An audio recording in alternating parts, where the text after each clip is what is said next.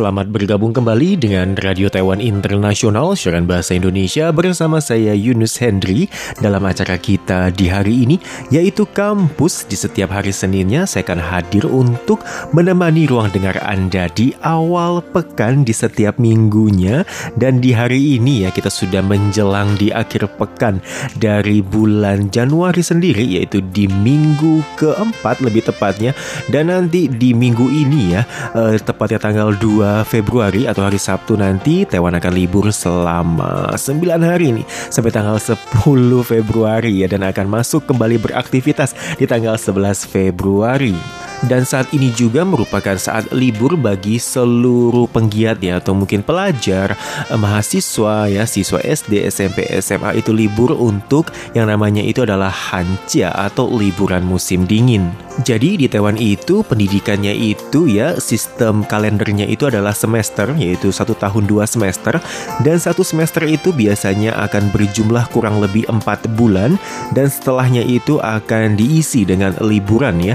Kalau misalkan di bulan ke-5 6 ya, 6 7 itu adalah untuk musim panas. Sedangkan untuk liburan musim dingin ini biasanya akan berlangsung sekitar bulan 1 hingga bulan 2 dan ini sudah menjadi sebuah apa ya sebuah uh, momen yang ditunggu-tunggu oleh setiap pelajar untuk bisa libur. Dan dulu ya ketika Yunus masih kuliah kalau liburan itu ya kalau misalkan liburan musim panas itu biasanya Yunus tidak akan memilih pulang ke Indonesia. Soalnya kalau untuk musim panas itu Yunus memilih untuk di Taiwan dan biasanya itu ya Yunus akan mereview kembali beberapa pelajaran atau mungkin beberapa mata kuliah yang mungkin Yunus anggap sulit dan biasanya itu Yunus akan pelajari kembali itu di musim panas. Dan kalau musim dingin atau itu yang terjadi di bulan 1 hingga bulan 2 itu biasanya akan Yunus pilih untuk balik kampung ya, untuk mudik ke Indonesia. Tapi saat ini sesudah masuk ke dunia kerja, tentunya tidak ada lagi ya liburan musim panas maupun liburan musim dingin. Kecuali mungkin profesi Anda itu mungkin dosen, mungkin guru ya. Nah, itu mungkin bisa untuk menikmati liburan yang namanya itu adalah liburan musim panas dan liburan musim dingin. Dan agak sedikit berbeda sih ya ketika dengan Yunus dulu ketika di Indonesia itu liburannya mungkin tidak sepanjang di Taiwan. Tetapi ya itu mungkin perbedaan yang terdapat ya antar negara. Dan di pekan ini Yunus akan mengangkat sebuah tema yaitu tentang perpustakaan kecelakaan sudah tahu dong ya apa itu perpustakaan yaitu adalah tempat kita untuk membaca buku. Dan jujur ya Yunus itu ketika berada di Taiwan itu menjadi lebih sering untuk mengunjungi perpustakaan. Dan ternyata untuk di daerah Taiwan sendiri ya di setiap kota ataupun kabupaten itu biasanya memiliki beberapa perpustakaan kecil yang tersebar di beberapa distrik gitu ya. Misalkan kalau untuk Taipei itu ada distrik misalkan distrik Chongsan kemudian ada distrik Ta perpustakaan gitu ya. Ada distrik Tatong. Nah, itu biasanya di setiap distrik itu ada namanya perpustakaan dan juga ada lagi yang namanya kalau itu perpustakaan kelas kota misalkan yang lebih besar lagi gitu ya.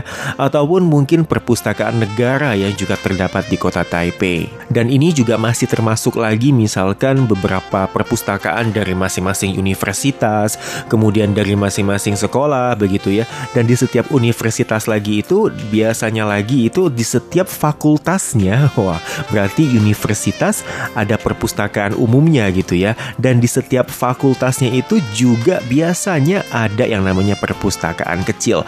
Nah ini dulu ya ketika Yunus masih kuliah eh, di perpustakaan sekolah Yunus ya, yaitu adalah di NCC NCCU, wah namanya udah udah udah lupa ya, bukan lupa deh. Jadi namanya itu adalah NCCU, yaitu adalah Universitas Nasional Zhengzhi.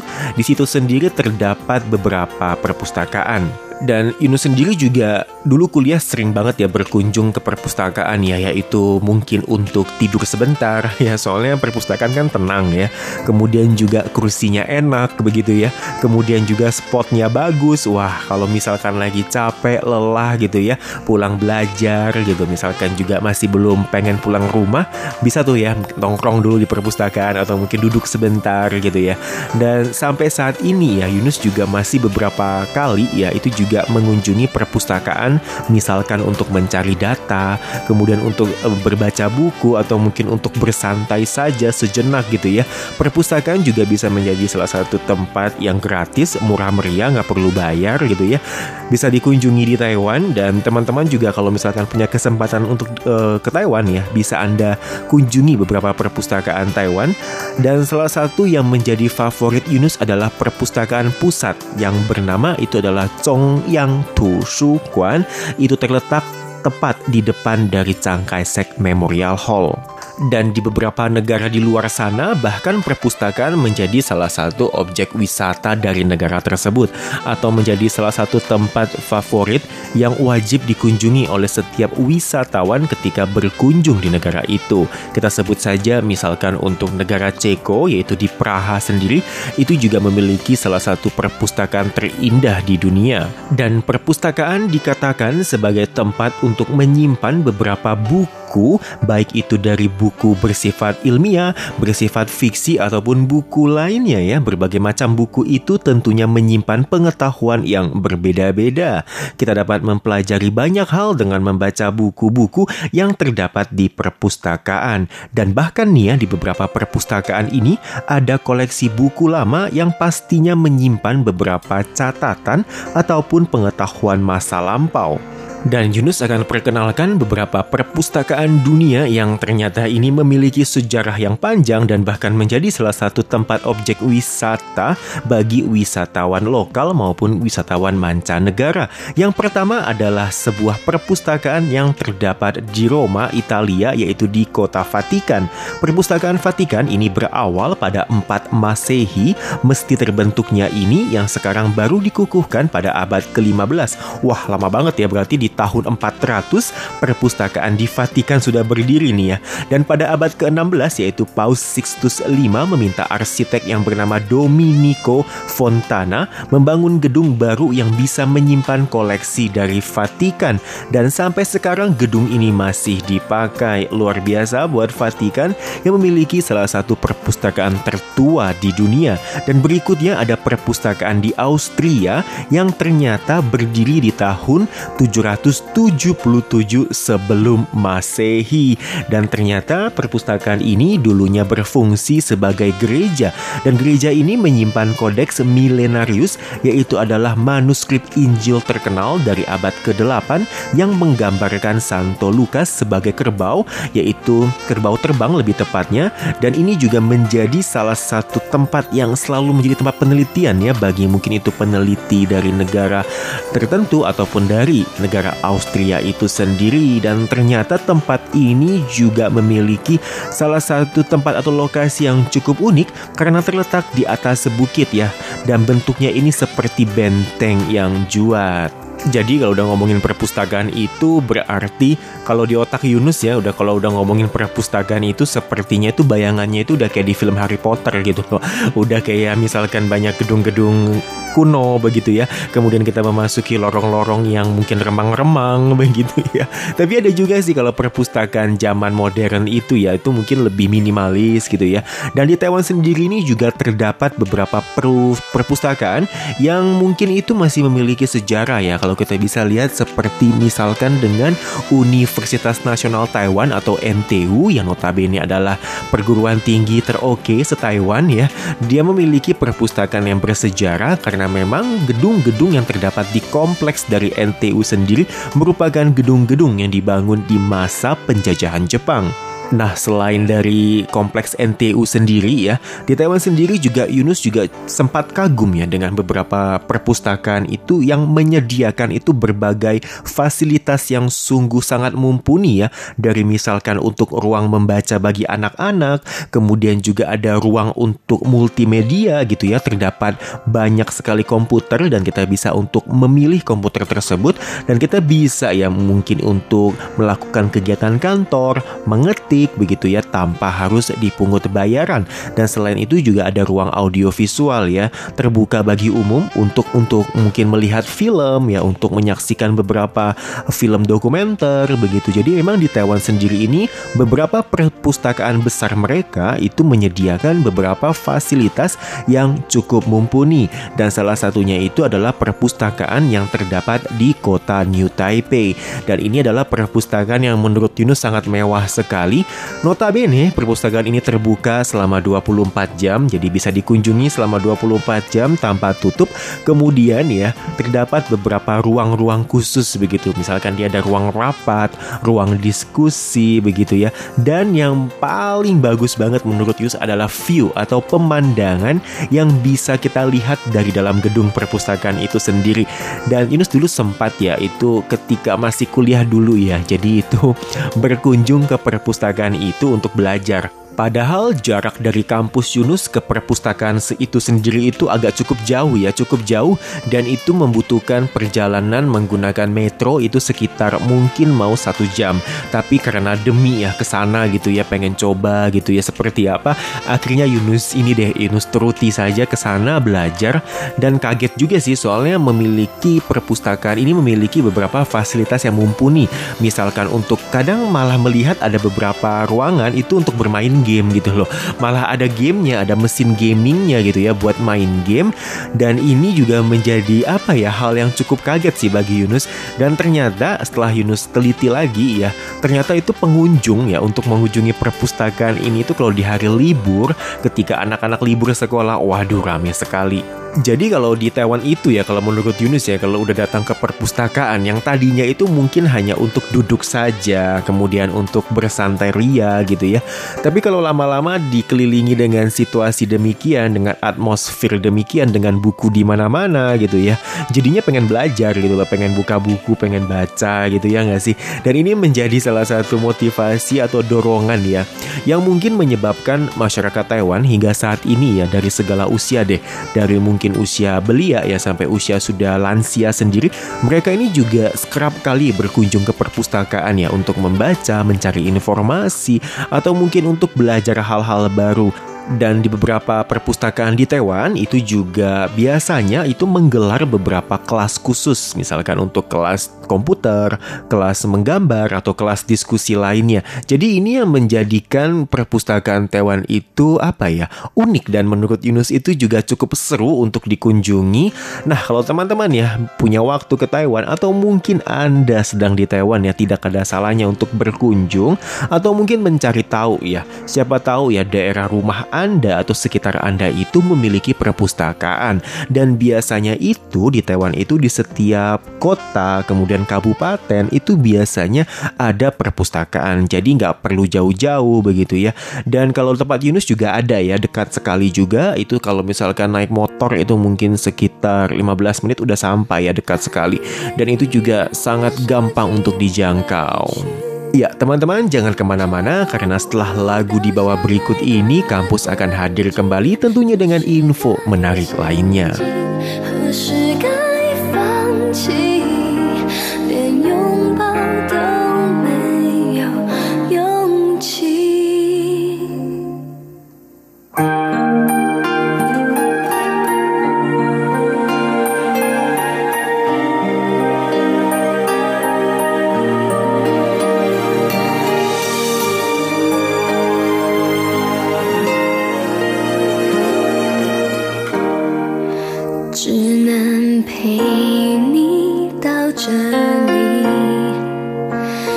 已经有些事不可以超过了友情还不到爱情远方就要下雨的风景。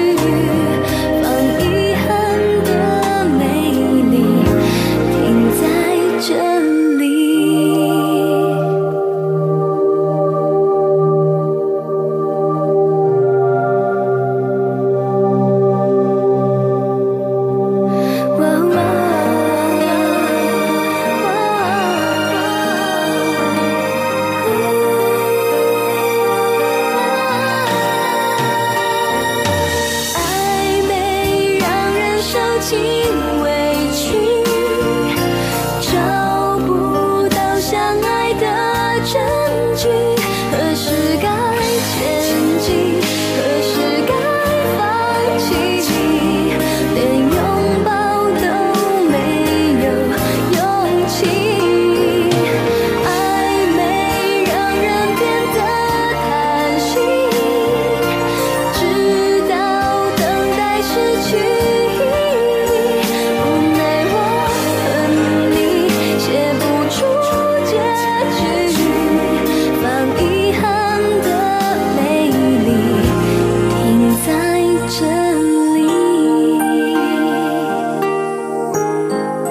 Itu dia lagu barusan yang berjudul I May dibawakan oleh penyanyi dari Taiwan yang bernama Reini Yang atau dikenal dengan nama bahasa Mandarinnya yaitu adalah yang Chen Lin dengan lagunya yang berjudul I May dapat diartikan dengan pengertian mungkin PDKT kali ya.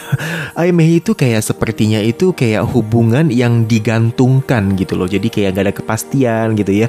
Mau dibawa ke mana gitu hubungan ini gitu ya. Jangan galau ya kalau denger lagu I May. Oke deh kita lanjut ya di pekan ini yaitu topik mengenai perpustakaan yang mungkin ini ya kalau beberapa orang itu kalau udah ngomongin perpustakaan itu mungkin langsung berpikirnya itu wah belajar gitu ya. Baca buku kemudian harus nulis menulis gitu. Ternyata enggak juga. Di Taiwan sendiri itu juga kita bisa lihat ya di perpustakaan Taiwan sendiri itu juga menyediakan buku-buku. Ternyata juga enggak hanya dari satu bahasa. Dan juga ini berbagai bahasa. Dan Yunus juga dulu pernah itu berkunjung ke perpustakaan yang terletak di sentral Taiwan yaitu di Taichung dan perpustakaan tersebut ternyata memiliki buku juga yang berbahasa Indonesia. Jadi nggak melulu ya ke perpustakaan itu menjadi hal yang membosankan atau menjadi hal yang kayaknya kok nggak gaul gitu ya. Ternyata nggak di Taiwan sendiri itu malah perpustakaan menjadi pusat bagi kreativitas, bagi inovasi, bagi pengetahuan, bagi semuanya. Ya, para pendengar, karena waktu kita juga semakin terbatas ini, maka kampus harus pamit dulu dari dalam ruang dengar Anda semua. Semoga tema yang saya bawa di hari ini dapat memberikan Anda sedikit pengetahuan. Saya Yunus Hendri, pamit dulu. Sampai berjumpa lagi di pekan depan. Bye-bye.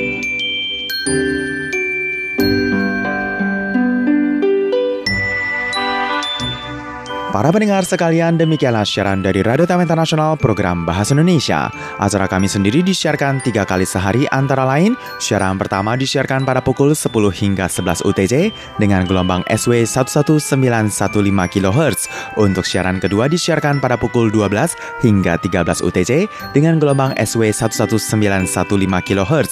Dan siaran ketiga disiarkan pada pukul 14 hingga 15 UTC dengan gelombang SW 9735 kHz. Untuk acara hasil kerjasama dengan Kementerian Ketenagakerjaan Taiwan disiarkan setiap hari Kamis pukul 20 hingga 21 waktu Taiwan dengan gelombang MW 1422 dan siaran ulangnya disiarkan pada hari Jumat pukul 8 hingga 9 waktu Taiwan dengan gelombang MW 1422. Guna memudahkan pemantauan siaran dari RTI, silahkan mengunduh aplikasi Radio Taiwan Internasional di dalam gawai dan juga gadget Anda.